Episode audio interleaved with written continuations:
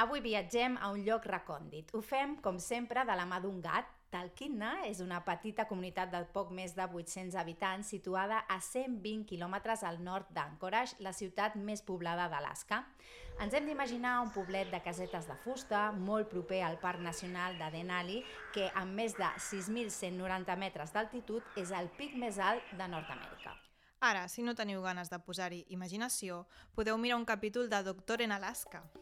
I és que aquest petit poblet és famós per dues coses. Uh, D'una banda, per ser la inspiració d'aquesta mi sèrie mítica uh, que ara mateix podeu recuperar a la plataforma Filmin, i, atenció, per haver tingut un gat alcalde.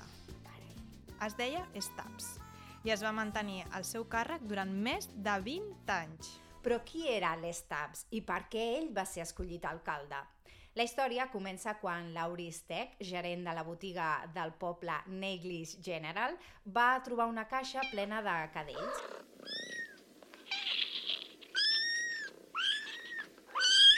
Després de donar-los tots en adopció, doncs va decidir quedar-se en un de color pèl roig i li va posar de nom Stabs, ja que no tenia cua. Diu la llegenda que a les eleccions de 1997 els habitants de Talkeetna no estaven satisfets amb els candidats humans que es presentaven. Així que van impulsar una campanya per convertir el gat Stabs en candidat i més tard en alcalde. This cat is has been mayor since since he was born. Yeah. Yes. He doesn't look too overwhelmed with the responsibilities. no, he's pretty laid back. Com us dèiem, es va mantenir durant més de 20 anys en el càrrec. L'únic moment en què el mandat va perillar és quan va ser atacat per un gos i va estar a punt de perdre la vida. De fet, es veu que el gos el va mossegar en un dels costats, li va fer un tall de 12 centímetres, li va fracturar l'esternó i li va perforar un dels pulmons. Un drama, bàsicament. Déu-n'hi-do, eh? Sí, sí.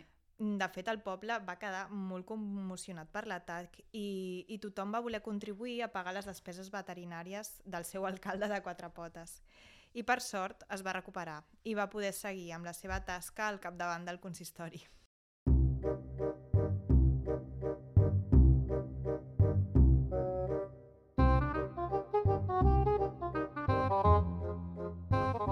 més enllà de la llegenda, la realitat és que no hi va haver cap elecció per escollir l'Estaps com a alcalde. I és que ni el felí ni cap altre habitant humà de Talkeetna poden ser-ho, ja que es tracta d'un districte històric dels Estats Units, una divisió que té com a única finalitat aconseguir estadístiques de població. Així que aquest poble no ha tingut mai un govern propi, sinó que és gestionat per una administració superior. Així que la realitat no és tan bonica com la llegenda.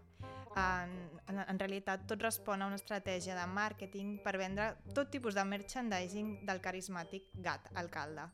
No és casualitat que l'amo de Stabs eh, fos també el propietari de la botiga Nagli General Store, de, de la que parlàvem abans. Un espavilat, eh? Un espavilat. I aleshores només en aquesta botiga podeu trobar samarretes, tasses, clauers, postals i tot tipus d'objectes amb la cara del gatet. déu nhi la qüestió és fer negoci. No? Exacte. Durant el seu mandat, més de 40 turistes arribaven diàriament a aquest poblet recòndit només per fer-se una foto amb el simpàtic alcalde Stabs. I, òbviament, ja que havien arribat fins allà, recordem que està a 120 quilòmetres de la ciutat més poblada d'Alaska, també es volien endur un record, a veure, normal, no? Normal, ja que fas el viatge. És a la doncs, pallissa, clar. Clar. Stabs va morir l'any 2017, amb més de 20 anys. No obstant, el fenomen fan no s'ha frenat. Encara són molts els turistes que peregrinen fins, al tal, fins a Talkeetna només per visitar el poble, que va tenir un gat alcalde, i també per emportar-se un souvenir de, de, de Stabs.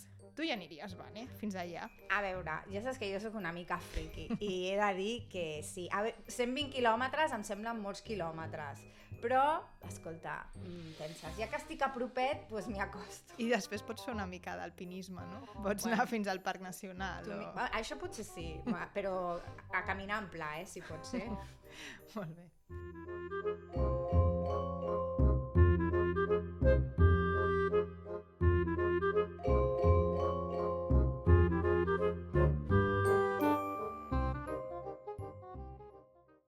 We Love Cats, el podcast de gatetes de la Montse Casas i la Vanessa Carrasquilla.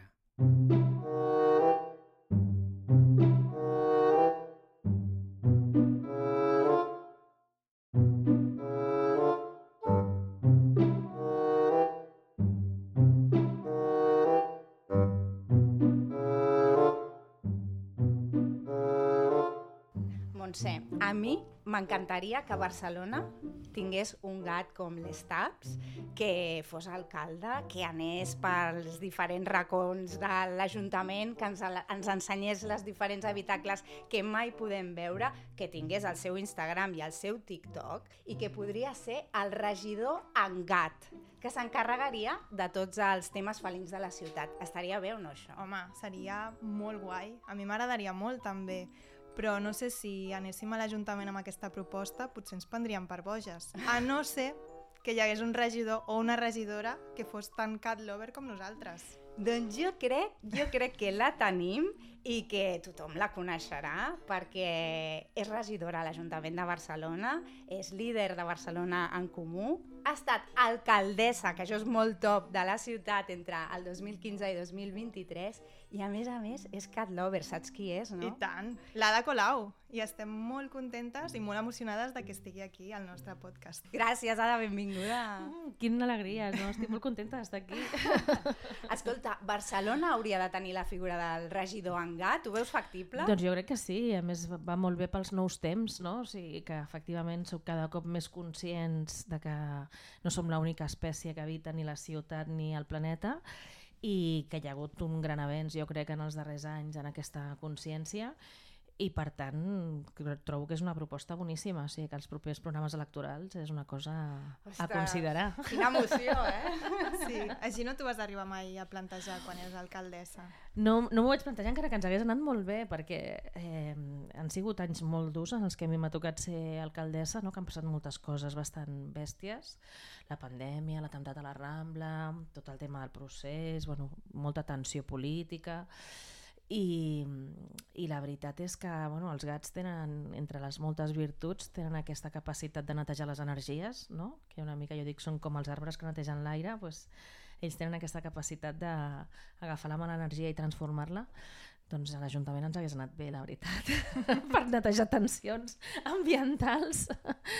I, I no sé, o sigui que realment, i també ho he vist com a alcaldessa, eh, que anant, anant per les trobades amb l'alcaldessa que feia pels barris on venien centenars de veïns i parlaven del que la gent volgués, eh, especialment amb els gossos, perquè clar, és un tema que d'animals més present en el debat de la ciutat, perquè com que mm, utilitza molt més l'espai públic, no? els, els felins són més d'interiors, però però els, els gossos doncs, tenen una presència molt forta en l'espai públic i el debat sobre l'ús de l'espai públic va créixer també molt en intensitat en els últims anys. O sigui que jo crec que sí, són temes que estan destinats a créixer, aquesta consciència de que no estem sols en aquest planeta i que a més no ho hem, viure, no ho hem de viure negativament, al contrari, no? jo crec que si li donem la volta millora la ciutat, la qualitat de vida una ciutat en la que els nens poden jugar tranquil·lament al carrer, on els animals són benvinguts i poden tenir el seu espai, on hi ha més vegetació, és una ciutat on tothom pot viure millor, jo crec. No?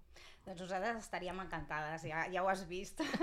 Fa unes setmanes vam veure en el teu perfil d'Instagram una publicació. Clar, mm. nosaltres tenim un radar per localitzar totes aquelles publicacions. Ja veig, sí, sí, veu ser ràpides, molt ràpides. on apareixen gats i sí. hi havia dos gatets preciosos. Preciosíssims. El sol i la lluna, de sí. color gris i color gris i blanc, que els presentaves en societat com a nous membres de la, de la teva família.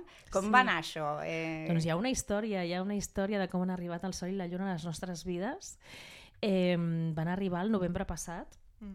i és divertit perquè van estar a punt de dir-se Peter i Yoli. Ostres, Yoli? quin canvi de noms! sí, però finalment s'han dit Sol i Lluna, que és molt diferent. I per què es van, dir, van estar a punt de dir-se Peter i Yoli? Perquè els vaig adoptar el mateix dia que investien president a Pedro Sánchez. Ostres. Clar, me'n recordo molt, saps? Perquè era un dia que hi havia bastanta tensió ambiental. Clar, clar. I clar, és molt divertit perquè això no s'ho imagina ningú, no? Però mentre estava tothom parlant de la investidura, hi havia molta tensió, no? A més amb l'extrema dreta i tal, i la negociació fins a l'últim minut i tot això, jo estava amb una amiga anant a un petit poble de Manresa on viu un amic meu que és escriptor i que tenia el sol i la lluna no? I, i jo anava a adoptar el Sol i la Lluna mentre tothom estava parlant de la investidura de Pedro Sánchez. Llavors, clar, com que estava la Yolanda Díaz i el Pedro Sánchez, clar, els vaig veure i vaig pensar, podrien dir-se Peter i Yoli. I vaig pensar, no, no, la política no ho ha d'invair tot i al contrari, jo necessito que aquest gatet i aquesta gateta tinguin vida pròpia al marge de la política. Així que els meus fills, concretament el gran, el de 12 anys, eh, va ser el que va suggerir els noms de Sol i Lluna i amb Sol i Lluna es van quedar. Però ja teníeu al cap adoptar o, o no? Doncs va ser una mica... Jo de, de jove havia tingut gates a casa, m'han agradat sempre, i, i aleshores, bueno, després vaig tenir fills, no? tinc dos nens, ells sempre han demanat que volien tenir eh, doncs, o gats o, o gossos eh, i, i bueno, jo el tema del gos no m'ho havia plantejat mai perquè sempre havia viscut amb, amb gates però també perquè és molt exigent, vull dir que no, han de passejar diverses vegades al dia, els meus fills no els veig encara amb edat d'assumir aquestes responsabilitats, així que això no ho vaig contemplar. I en canvi, amb, amb gatets doncs sí que m'ho plantejava, i també em va coincidir en un moment vital. Mm, vaig deixar de ser alcaldessa, eh, vaig tenir una certa pressió ambiental perquè acceptés altres càrrecs, no? Mm -hmm. vam plantejar que si, que, que si fos ministre, que si em plantegés a les europees, i jo vaig decidir que no, que jo em vull quedar a Barcelona, que estimo aquesta ciutat i, i jo m'he ficat només en política per un projecte de ciutat, no per estar ocupant càrrecs en general. I aleshores és com vaig tenir aquest instint de dir no, no, és que jo vull arrelar-me encara més, saps, a la meva ciutat.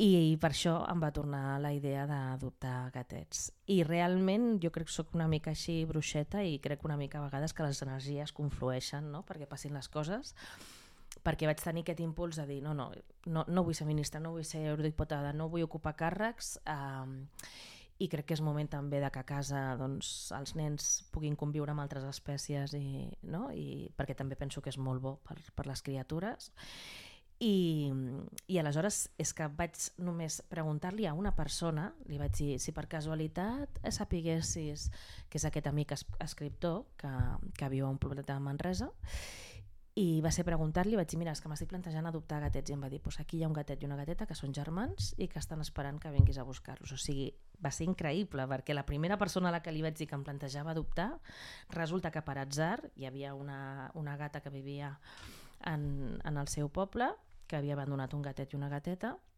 i estaven a casa seva i estava esperant a veure qui els podia adoptar.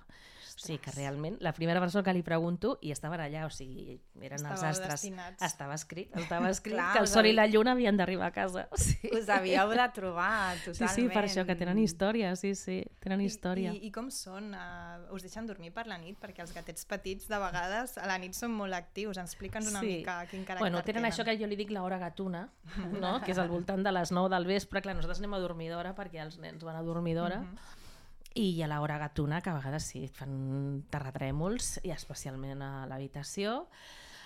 Llavors, si ens coincideix l'hora d'anar a dormir amb l'hora gatuna, doncs tanquem la porta perquè si no és difícil dormir.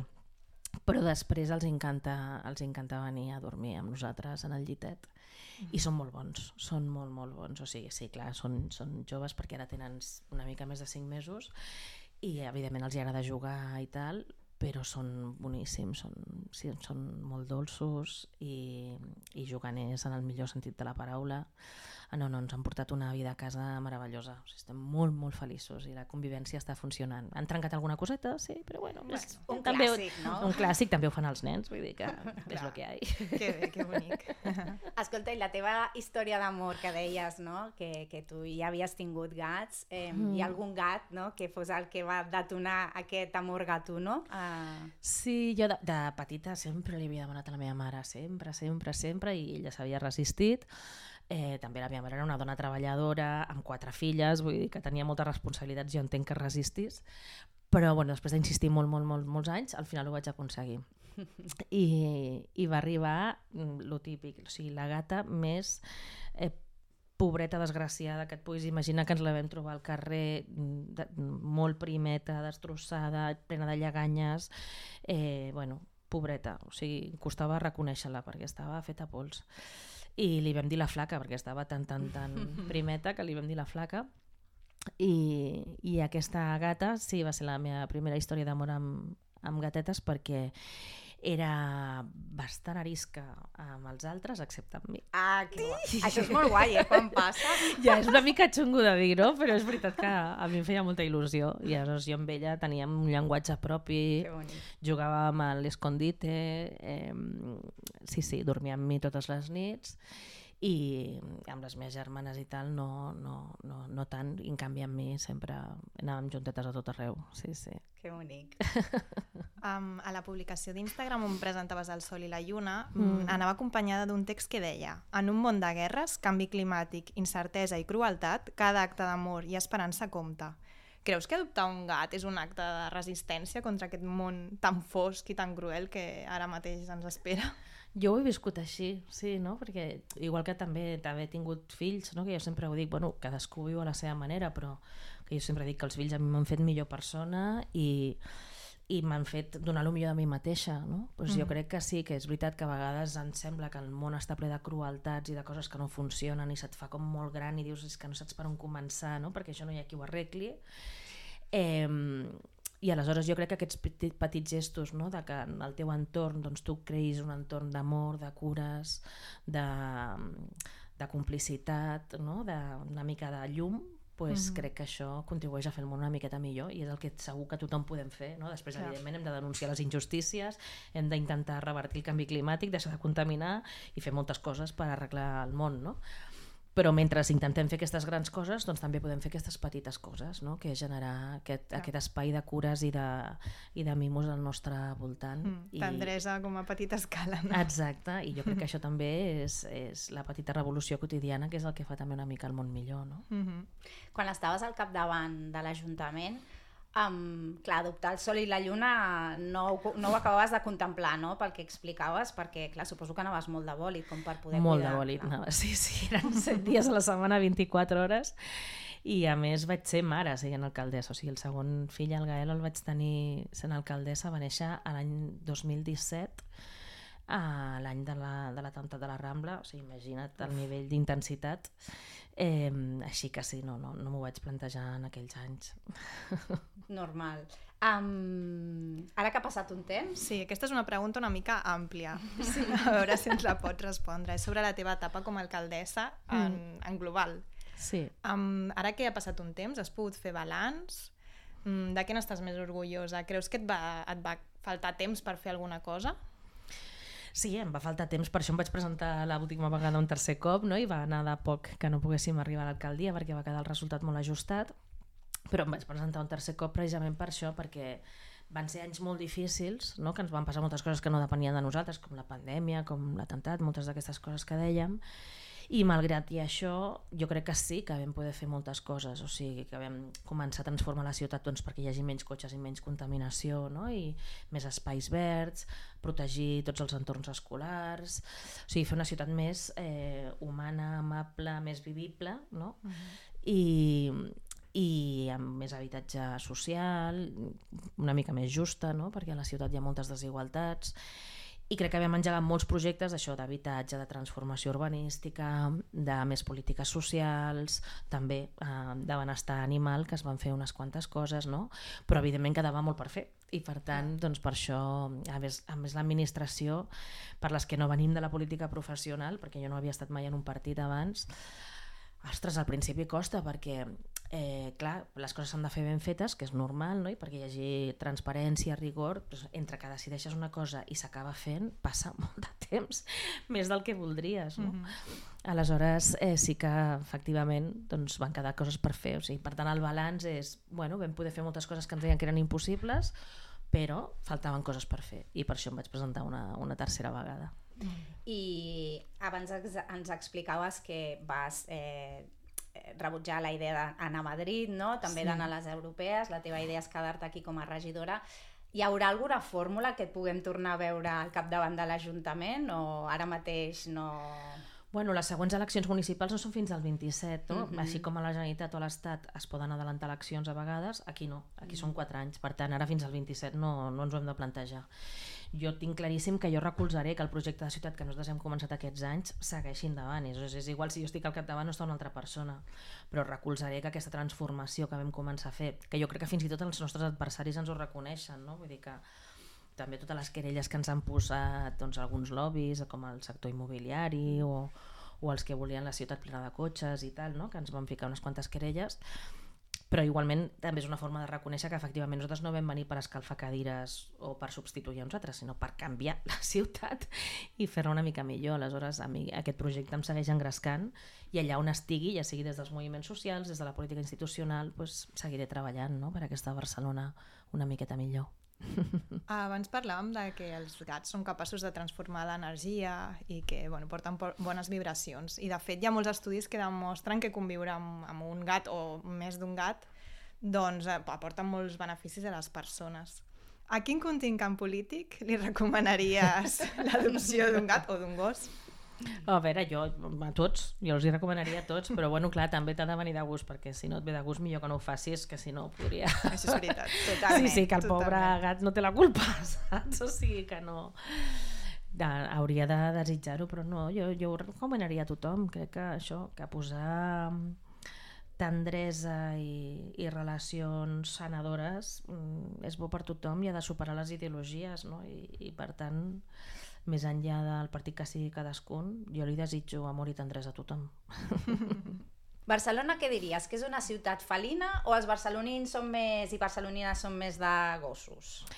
A veure, si és pel debat públic ja t'ho dic que és de gossos, eh? perquè jo com a alcaldessa ja et dic que anava a trobades als barris i, i, i feia trobades obertes on la gent podia plantejar el que volgués, no hi havia ordre del dia, no hi havia temes prohibits i el tema de gossos era un tema molt recurrent i aleshores sovint passava que la sala de forma espontània gairebé es dividia en dos entre aquells que tenien gos i els que no tenien gos i aleshores els que tenien gos reclamaven lògicament més espais no? perquè els gossos poguessin no? doncs, tenir zones d'esbarjo i tal i en canvi els que no tenien gos deien que es trobaven moltes caques de gos per tot arreu i que, que la gent que era incívica no havia de tenir gos i hi havia autèntiques tensions no?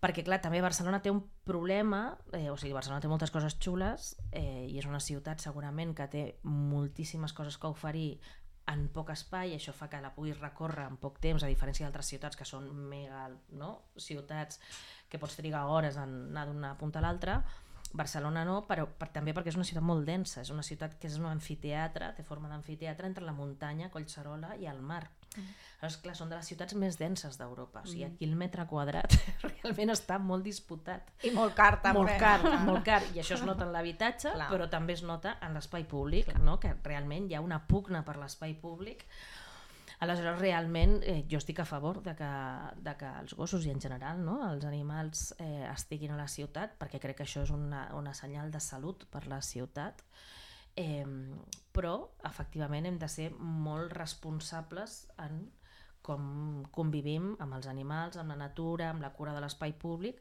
perquè al ser una ciutat tan densa, a la mínima que hi ha un ús intensiu de l'espai públic es nota molt. No? I aleshores doncs, hi ha disputes, no? hi ha disputes entre, entre qui, per exemple, té, conviu amb gossos i qui, no, i qui no ho fa. I és veritat que es va notar molt amb la pandèmia. Amb la pandèmia ja va haver-hi un boom d'augment de, de gossos, també perquè es va aturar tot, no? i i també la gent es va com reconciliem aquesta idea de que, no? de que canvis el ritme de la de vida, el, que hi hagués una experiència més natural, també més naturalitzada a la ciutat, el fet de que es pogués sortir a passejar amb gossos, o sigui, tot va contribuir sí, sí. a que hi hagués un augment increïble i ara mateix hi ha tants nens com gossos a la mm. ciutat de Barcelona. És fort, eh, això? Sí, sí, sí. Ja dic, en una ciutat tan densa, on hi ha poc espai públic i pocs parcs, no? I, i per tant sí, crida molt l'atenció jo crec que també és senyal d'uns temps no? on, on busquem més natura també a la ciutat i per tant les ciutats s'han de repensar molt ràpid perquè jo crec que afortunadament ens estem cansant d'aquest ritme capitalista tan frenètic, no? amb tant de soroll, amb tant cotxe, amb tanta pressa és que això no és una bona vida, això no és una bona vida i per tant, evidentment la vida a la ciutat no és la mateixa que al camp, lògic, no? però eh, sí que hem de ruralitzar una mica la ciutat, no? perquè, perquè aquest ritme tan frenètic i això de treballar i anar ràpid als llocs i mm, tants cotxes i contaminació i soroll no és una bona vida. I jo crec que també el fet de que hagi augmentat molt la presència d'animals té a veure amb que la gent té aquesta necessitat no? de naturalitzar una mica les nostres vides també a la ciutat. Um, Barcelona, bueno, perquè fa les adopcions, ens posem una mica serioses, sí. adopcions, abandonaments, no? Nosaltres tenim una xifra, que és la que hem trobat, segur que tu en tens de més actualitzades, que és que el primer semestre de 2023 uh -huh. es van, les adopts, la, els abandonaments van baixar, però les adopcions em sembla que també. Sí. Uh, de fet, respecte a l'any anterior, em sembla que es van adoptar mm, 100, 103 gats o i gossos menys que durant 2022. Clar, això com ho podem revertir? Això són xifres del Centre d'Acollida d'Animals de Companyia de. Barcelona, que és, diguéssim, el centre municipal, no? Eh, com ho podem revertir, això? Com podem aconseguir que realment cada vegada hi hagi menys abandonaments i més adopcions per alliberar aquests espais i que algun dia tant de bo no existissin, no? Bueno, jo crec que sí, que queda molt per fer, però que també hem de veure que en els últims anys hi ha hagut un canvi de consciència, jo almenys ho he vist també des de la vivència de l'Ajuntament, eh, i per tant hem de ser relativament optimistes, no? en què efectivament, o sigui, per exemple, jo me'n recordo quan jo era petita, estava ple de botigues d'animals que venien els animals com si fossin un objecte. Bueno, no? la Rambla mateix, no? Exacte. Mhm. I això ha canviat, ha canviat radicalment, no? i ara ja gairebé tothom sap que l'idoni amb els animals és l'adopció, no és comprar-ho perquè no és un regal, no és una cosa per regalar-la al Nadal, no? perquè no és un objecte, és un ésser viu, i crec que hi ha hagut un canvi de consciència bastant elevat. No sé, per exemple, en general amb animals, en els anys que hem estat nosaltres a l'alcaldia, eh, moltes coses que abans estaven normalitzades ja no estan. O sigui, jo me'n recordo una de les primeres decisions que vaig prendre com a alcaldessa va ser eliminar el, el dofinari del zoo Mm. Eh, perquè l'anterior govern, el de Convergència, havia compromès una sèrie de diners perquè la normativa europea deia que perquè hi haguessin dofins al zoo havia d'haver-hi una piscina una mica més gran de la que hi havia, no? I nosaltres hem dit, doncs no, és l'oportunitat, en lloc de fer una piscina més gran, és l'oportunitat d'acabar amb una cosa que sabem que és mm, antinatura, que és que els Sí, dofins sí. haurien de ser lliures i no estan fets per estar tancats en una piscina, perquè no, és, és terrorífic, haurien de poder fer quilòmetres en el mar. I va ser una decisió complicada perquè, a part de que hi havia moltes pressions per no tancar, perquè era com una de les principals atraccions no? Del- del, del zoo, eh, hi havia moltes pressions, però a més, clar, són animals que han estat en captivitat i no els pots alliberar com a la pel·li de Libera't a Willy, no, no els pots deixar al mar, no? sinó que No has de buscar... sobreviure, no? Clar, has de, Mhm. has de buscar un lloc intermig, els santuaris i tal, i per tant va ser un procés molt complicat, amb moltes pressions, però mira, va ser de les primeres decisions que vam prendre, no? de que teníem clar que havíem d'anar cap a una transformació de com veiem els animals a la ciutat. Vam eliminar també la, els, els cotxes aquells tirats per cavalls, que abans hi havia per les Rambles i pel centre, és us en recordeu? Sí, sí, sí. Doncs És que tot això, clar, ho deixes de veure i ho oblides, ho no? oblides. Però era, era, és Estava veritat. normalitzadíssim. Totalment. Normalitzadíssim, els cavalls amb les onades de calor, amb el ciment, Ostres, o sigui, mm, era una cosa de, vamos, Molt antiga, és que és molt antiga. pues això estava fa pocs anys, no? Ostres. I ho vam eliminar també nosaltres. Vull dir que han anat canviant, jo per això et dic que en poc temps veig un canvi de consciència, no? Vam, gràcies a les entitats animalistes es va impulsar el nou model de zoo, que queda gairebé tot per implementar, però bueno, ja es va aprovar en el plenari municipal que havia de canviar completament l'orientació, no? que, el, que la idea del zoo com a exposició colonialista d'animals eh, és una cosa que s'ha d'erradicar directament no? i que, i que s'ha d'orientar cap al benestar animal eh, i la protecció sobretot d'espècies també en perill d'extinció i pues això, reorientar el zoo, vam fer la platja per gossos també, Mhm. que no hi havia, els gossos a l'estiu no podien anar a la platja, doncs ara hi ha una platja on poden anar. O sigui que són moltes petites cosetes que és el que dèiem, encara queda molt per fer, no? amb, amb adopció i tal. Què es pot fer? Pues seguir amb campanyes de conscienciació, jo crec. Jo recordo també que aprofitàvem algunes de les festes que es feien a la ciutat, com la Mercè, que hi havia molta gent al carrer no? pues per, per uh, publicitar el tema de l'adopció i jo crec que això, que l'adopció està anant, en general, com a tendència general, està anant a més i que cada cop ja mm, la majoria de la població té claríssim no? que els animals no són objectes per comprar ni per regalar, sinó que és un tema de, de responsabilitat amb éssers vius amb els que decideixes conviure i que per tant ens, els has de cuidar. També s'ha avançat, per exemple, a nivell policial de tenir protocols i si posar sancions al maltractament animal. Hi ha una nova llei ara de benestar animal, no? Que també penalitza molt més situacions de maltractament que abans estaven normalitzades. O sigui que, què és això? Queda molt per fer, però si mires els últims anys, jo crec que hi ha hagut un canvi cultural que ja no té marxa enrere, i en aquest sentit soc, soc moderadament optimista. I quan fèieu totes aquestes propostes de canvi, us vau trobar amb molta resistència política per part d'altres grups? O és una qüestió de pressupost? És una qüestió de que no hi ha cultura animalista? O... Doncs mira, depèn de, depèn de les qüestions. Per exemple, amb el tema del zoo sí que vaig al·lucinar la qüestió de la quantitat de pressions que hi havia i el tema de que ja, bueno, hi havia, pues sí, hi ha, hi ha tota una associació de zoos a nivell mundial, o sigui, són coses que no sabia, que les he descobert des de l'alcaldia, no?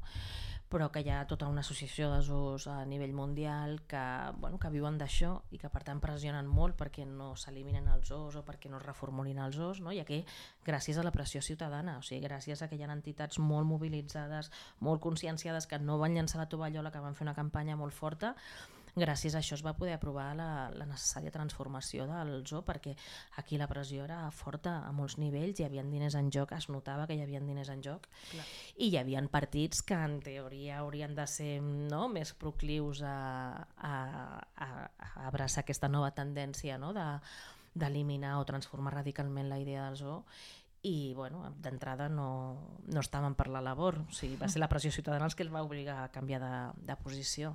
Amb aquest tema sí que vaig veure que efectivament hi havia un negoci i unes pressions al darrere que anaven més enllà de simplement un canvi cultural. No? Com et vas trobar l'Ajuntament pel que fa al benestar animal quan vas arribar? És a dir, hi havia voluntat, una mica el que t'explicava, la, Mm. preguntava la, la Montse, o mig-mig?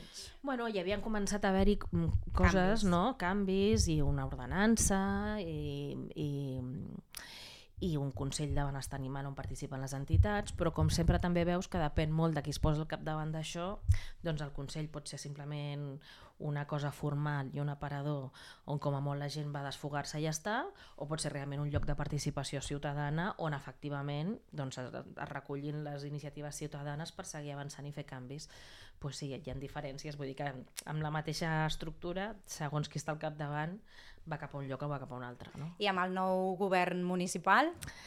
Doncs a veure, no sé ara si hi ha hagut últimes decisions sobre el tema, però sí que sé que amb l'anterior mandat amb el Partit Socialista al capdavant van haver-hi moltes queixes de les entitats animalistes. Això és així, a mi em van arribar com a alcaldessa i de fet em vaig reunir amb elles perquè no se sentien gens escoltades i, i bueno, de fet jo vaig demanar que hi hagués un canvi perquè efectivament aquesta participació ciutadana eh, fos escoltada, no? per exemple amb el tema en concret dels zoos, o sigui, amb els zoos va aprovar una sèrie de coses de que hi havia eh, un consell mm, que havia d'avaluar eh, doncs, les possibles transformacions, per exemple el tema de les elefantes, no? que era un Mm. tema que tenia una campanya molt forta al darrere, doncs hi havia la possibilitat efectivament d'estudiar que aquestes elefantes poguessin ser alliberades en un d'aquests llocs intermitjos no? on, on puguin eh, estar més a l'aire lliure i Com no exposades. Sí. Mm. Hi havia, de fet, un al sud de França on,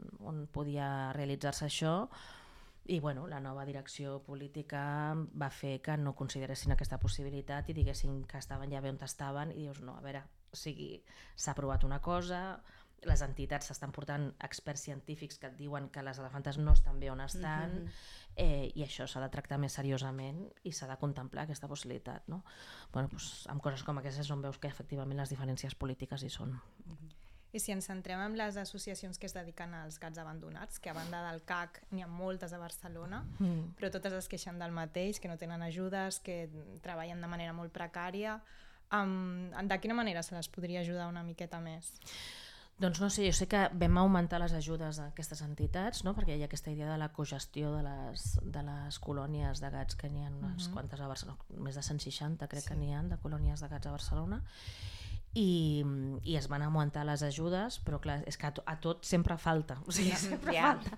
També hem de recordar, que no per disculpar, però sí que hem de recordar que clar, els ajuntaments som els que tenim més demandes en general de qualsevol tema de la ciutadania, però som les administracions que tenim menys competències i menys diners. O sigui, els ajuntaments gestionem entre l'11 i el 13% dels recursos públics. La majoria dels diners els tenen la Generalitat, o sigui, els governs de les comunitats autònomes i l'Estat.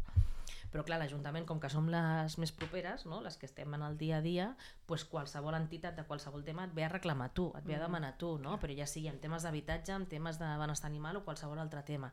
I clar, moltes coses no depenen de l'Ajuntament. No? I aleshores, clar, t'has d'intentar posar d'acord amb altres administracions, com la Generalitat, com l'Estat, que són els que aproven les lleis, els que tenen més pressupost, i a vegades això sí que fa que en- enredareix les coses, i jo entenc que això desesperi la ciutadania, perquè a la ciutadania li és igual si depèn de l'Ajuntament, de la Generalitat, a mi què m'expliques, saps? Hi ha un problema que s'ha de resoldre, jo això ho entenc perfectament, però és veritat que a vegades com a Ajuntament és frustrant, perquè dius, clar, jo tinc els diners que tinc, no en tinc més, saps? No... Clar, per això ens preguntem si totes aquestes associacions que dediquen, les voluntaris i voluntàries, dediquen part del seu temps de manera altruista i també moltes vegades els diners de la seva butxaca doncs, a cobrir despeses eh, veterinàries i alimentàries dels animals. Mm, ens preguntem què passaria si no existissin, si l'Ajuntament es podria fer cura de, de tots aquests animals? Doncs no sé, perquè et dic, ja això ve, eh, com, ve de, des d'un canvi cultural que s'ha produït molt en els últims anys, no? de, Mhm. de la consciència de com ens hem de relacionar amb els animals. Aleshores jo crec que és un canvi cultural que implica a tothom, a la ciutadania i a les institucions. I en general, no només en el tema del benestar animal, és que en qualsevol tema la ciutadania sempre ha estat la capdavantera. O sigui, una democràcia perquè funcioni millor necessita una ciutadania crítica organitzada. O sigui, aquesta cosa de que ho faci tot l'administració no passarà mai perquè l'administració, per definició, governi qui governi, l'administració com a estructura és una estructura que tendeix a ser conservadora. Mm -hmm. És a dir, tendeix com a autoperpetuar-se i funciona per inèrcies a menys que tingui una exigència ciutadana que la interpel·la. I això funciona, ja et dic, en qualsevol tema, amb educació, amb sanitat, amb habitatge o amb benestar animal. Aleshores, és sempre necessari que hi hagi una ciutadania conscient, crítica, exigent, que li reclami l'administració de ei, no t'estàs ocupant d'això, ei, això se t'està passant, ei, no? Perquè això és el que fa que efectivament l'administració reaccioni mm -hmm. i s'ocupi de coses de les que fins ara no s'ocupava, no? Una de les coses que nosaltres hem pogut comprovar des que vam començar amb el projecte que ha evolucionat, no? d'un mercat solidari ara a un podcast, um, és que hem pogut parlar amb moltes entitats i hem vist que la majoria estan formades per dones Uh -huh. que dediquen, bueno, el que dèiem, no? el seu temps lliure, part del seu salari i que han de gestionar de vegades situacions molt difícils per com estan aquells animals, però és que a més a més han de suportar, um, bueno, són menys tingudes en molts casos, en molts casos no? i es parla d'elles com les locas de los gatos, no? que hi ha darrere d'aquesta expressió, no? el patriarcat, misogínia, què hi ha aquí darrere? Claríssimament, sí, sí, això ve d'antic, perquè ho hem sentit totes, això, no? I, i clarament, clarament es troba, o sigui, el menyspreu cap a la vida en el sentit ampli no? de, dels animals i de la natura, eh, clarament té a veure amb el patriarcat no? I, que, i, i, i amb el capitalisme, o sigui, va tot junt, o sigui, doncs això, una societat i una ciutat que durant molt de temps ha estat orientada a la productivitat i al protagonisme no? del home blanc que treballa en cotxe eh, mentre que la majoria de la població, humana i no humana, ha estat infrarrepresentada en les polítiques i en la definició del món i de les prioritats i del que realment ens importa. I jo crec que per això és lògic no? que, que hagi hagut en els últims anys una gran confluència creixent entre moviments ecologistes, el moviment feminista, perquè al final és això, és dir, perdoneu, però heu fet un món a la mesura d'una part molt petita de la vida que hi ha al planeta, no? Mhm. i resulta que som mm, molt més plurals i, i molt més diverses i la vida eh, s'obre camí no? Reivindicant el protagonisme d'aquesta diversitat d'espècies i dins de l'espècie humana també de la gran diversitat que són doncs, les dones, les criatures, la majoria de la població humana que ha estat absolutament infrarrepresentada en els seus interessos tant en la ciutat com en les polítiques en general. Llavors jo crec que això és un canvi cultural eh, que és imparable perquè soc dir, moderadament optimista, no? malgrat que, que això que hi ha moltes coses que no funcionen, però, però veig que aquests canvis s'obren camí i tinc molta confiança també en les generacions més joves que, que veig que amb aquests temes, que amb el tema del feminisme, amb el tema de l'ecologisme ho tenen claríssim i per tant hem de contribuir a que, a que vagin obrint camí i vagin eh, accelerant aquest canvi cultural que al final ens benefici- beneficiarà a tothom Total, clar. no? perquè Mhm. això que la vida guanyi camí i es respecti en la seva diversitat farà que vivim millor totes i tots. Sí, de fet és veritat que molta gent es decideix a adoptar un o, més gats o, o, més an o animals com gossos. Tu que acabes d'adoptar-ne dos, què els Sí. diries a aquesta gent que està adoptant en si fer-ho o no? si estan dubtant, jo els animaria claríssimament. O sigui, no... Però so, sobretot això, si és perquè tenen ganes de- d'obrir-se a la vida, no? que jo crec que això és lo bonic d'adoptar, no? que és donar espai a la vida no al consum, no al, al tenir un objecte més o un regal per nens, o això no. Això crec que és un enfoc equivocat que moltes vegades ha produït després abandonaments i coses que no volem. No? Eh, crec que això, que si tens ganes de que la vida eh, guanyi pes no? en, el, en el teu dia a dia, més enllà de la feina, més enllà de la subsistència, si el que vols és que hi hagi més vida, més tendresa, pues, obre't a la possibilitat d'adoptar, perquè això vol dir éssers vius nous amb les seves coses, amb les seves característiques, amb les seves singularitats que et sorprendran, no?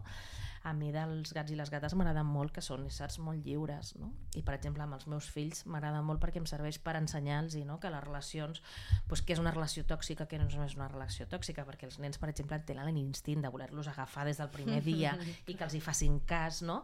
Pues es va molt bé per fer pedagogia també amb els fills no? i de dir, no, no, perdona, és que la vida eh, és una vida autònoma, és una vida lliure i t'has de relacionar des del respecte i si tu els gats els respectes, ells et respecten a tu i aleshores et vindran a buscar et vindran a buscar per jugar, et vindran a buscar per ronronejar, perquè els acaricis. Ara si tu et vols imposar, si tu els vols agafar, fugiran de tu. Eh, i per tant també per educar en relacions saludables no tòxiques també entre humans pues, també els gats i les gates no, ens poden ajudar a millorar les nostres relacions i fer-les menys tòxiques i més saludables. És veritat. Ada, ja acabem. Ara donem la benvinguda a l'Eduard Palomares, que és el nostre secretari, diem, el secretari a l'ombra, que et farà un test per acabar aquesta, aquesta entrevista. Ai, ai, ai, és un Sí, a mi m'han examen? reservat les eh, preguntes més dures i punyents. Ai, ai, ai. No, no, és Quina broma, por, és quina broma. por. És un, és un test felí per, eh, per saber en quines situacions o en quines persones treus el, el teu caràcter més felí. D'acord. Val? a veure. Aleshores, bé, ja saps que els gats són molt mandrosos, que els encanta estirar-se Sí. a prendre el sol, a fer la migdiada. Quin és el teu moment ideal per eh, estirar-te a no fer res, per fer la, fer la mandrosa, si és que tens temps? Bueno, per mi, o sigui, efectivament, després de 8 anys d'alcaldessa, fer, fer la mandrosa és com el, la idea de luxe, saps? Saps la gent que et diu què t'agradaria fer, viatjar o tal? I dius, no, no, estar en pijama al sofà, o sigui, veient una sèrie, no? I, i mira, una hora que m'agrada molt és com la de l'aperitiu, no? Mhm. Jo tinc una, tinc una casa que té una petita terrasseta i quan surt el sol i sortir a fer l'aperitiu és, és una cosa que m'agrada. Mhm. Molt sí. felí, això del sol. Sí. I amb qui ronroneges més? Doncs amb els meus nens i ara també amb el sol i la lluna, sí, sí, ron ronronegem molt. Plegats, no? Sí, al llit. I quines situacions o persones et fan treure les urpes? Mm, les urpes, doncs a mirar la ciutat, l'especulació immobiliària em fa treure molt les urpes, els que volen que els cotxes vagin per davant de les persones em fan treure molt les urpes. Eh, hi ha alguns lobbies econòmics que s'han acostumat a que la ciutat sigui seva i no, la ciutat ha de ser de les persones i, i ha de ser per la vida i no només per al negoci sense límits. Aleshores, els especuladors en general, diguem-ne, que volen mercantilitzar les nostres vides, aquests em fan treure les urpes. Molt bé, aquesta és un, un, un petit matís perquè no és treure les urpes, sinó és bufar. Ja saps que els gats bufen, però és, no és per atacar, sinó és per no t'apropis. Qui, a qui vols Sí. tenir lluny? Bueno, doncs això, la gent que no és honesta, la gent que, que vol utilitzar els altres per, al, per fins obscurs, no? a la gent, a la gent cruel, sobretot no suporto la crueltat i, i més gran em faig i menys suporto la crueltat no? I, per exemple, els meus fills sempre els intento educar en no cridis mai, tu pots estar emprenyat tu pots sentir que hi ha una injustícia però no augmentis la violència d'aquest món, que ja n'hi ha molta, no? I aleshores eh, la crueltat, especialment amb els indefensos, amb les criatures, és una cosa que no suporto. Els abusos mm, sexuals, per exemple, amb la infantesa, em sembla una de les coses més horribles que hauria de fer que tota la humanitat ens conjuréssim per erradicar-la, no? Pues això, la crueltat en general i especialment amb els més indefensos, pues és una cosa que em fa bufar moltíssim. Molt bé. De les set vides que diuen que té, que té un gat, tu n'has gastat alguna ja? Potser l'estrès de l'alcaldia t'ha deixat alguna vida per allà... déu nhi sí, sí, clarament, sí, sí, amb això segur que sóc una mica gatuna perquè he tingut vides molt diferents i, i sens dubte la de l'alcaldia ha estat una vida molt intensa, molt intensa. Molt bé. Hi ha alguna situació complicada en què hagis caigut de peu? Que semblava que t'estamparies però al final has caigut amb les quatre potes? Home, jo crec que en els anys de l'alcaldia unes quantes, eh? Molta gent pensava que, que no ens en sortiríem i mira, m'ha anclat que no vam poder fer tot el que voldríem, però, però vuit anys on hem tingut moltes, moltes adversitats, ens han posat querelles, eh, ens han fet fake news, he hagut de desmentir mil mentides sobre mi i tot plegat, i malgrat aquestes campanyes de desprestigi, aquí estem. Mm -hmm. Molt bé, doncs sí, sí. I amb quin plat et llepes els bigotis? Mm, em llepo els bigotis... A veure, m'encanta la cuina italiana, però així com a plat local de la meva àvia amb la que em, amb el que em llepo molt els bigotis, això és poc gatuno, diria, eh, però són les carxofes. Bueno. M'encanten les carxofes, sóc molt carxofera. Molt bé, ara és època, a més a més. Sí.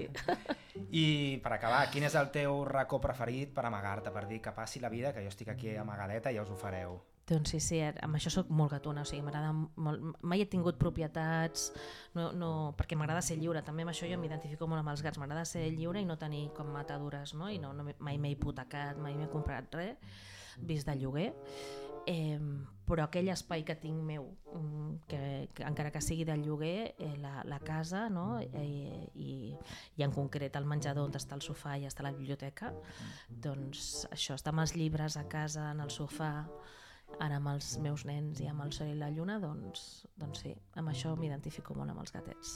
Molt bé, doncs, eh, bueno, jo diria que caràcter eh, 100% felí, no? Quasi jo crec que un... eh, Passa el test, no? Un Déu, no? El passa de sobre, sí, sí. Ho teníem bastant clar, però no? ja ens ho imaginàvem, eh? segurament. Sí. Des del moment que vas dir que sí a una entrevista, a un podcast de gats, Sí, ja ens ho em va, pensàvem. fer, em va fer molta il·lusió, sí.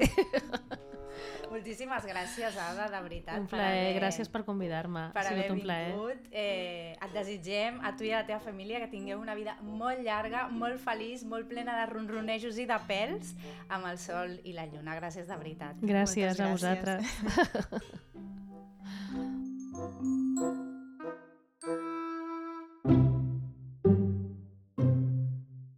Ets un cat lover de debò? Doncs fes-te Patreon del Wheel of Cats podcast. A veure, Vane, quin subidon d'episodi. Buah, Increïble, eh? molt fort, molt fort, no eh? ens ho podíem imaginar mai, això. No ens ho pensàvem, és que no donàvem no. moltes opcions, pensàvem, no, ens dirà que no, i sí, sí, ha vingut Ada Colau, eh? Sí, sí, ha estat una conversa molt interessant. Moltíssim, la veritat, sí, sí. Esperem que a vosaltres també us hagi agradat molt i, com sempre, és moment de demanar-vos la vostra ajuda perquè aquest episodi, que a més ha tingut doncs, la presència no? i ha comptat amb el testimoni de la cat lover de l'Ada Colau, doncs també arribi més gent. Com ho podeu fer? Uh, doncs primer de tot deixant un comentari, estrelletes i seguint el podcast des de la plataforma que ens escolteu. Després, compartint aquest episodi a les vostres xarxes socials i amb tots els cat lovers que coneixeu també. Comprant una de les nostres samarretes solidàries, amb les, de que, amb les que cada any fem un donatiu a una entitat que, que té cura dels gatets abandonats i de carrer. I després, si no, també us podeu fer Patreons del nostre podcast. De nou, moltes gràcies a RC66, la ràdio comunitària del barri de Sant Antoni de Barcelona, per deixar-nos tot el material tècnic i un espai perquè les catlovers de turno, que som nosaltres, la Montse Casas, I la Vanessa Carrasquilla. puguem gravar eh, tots aquests episodis en condicions. I també una menció especial per la Paula Moreno, que avui és la tècnica que ens ha acompanyat perquè tota l'entrevista de l'Ada Colau sonés bé. I també el nostre secretari i màrtir dels gats, l'Eduard Palomares. Gràcies, com sempre, per escoltar-nos i ens retrobem en unes setmanes. Adeu, adeu!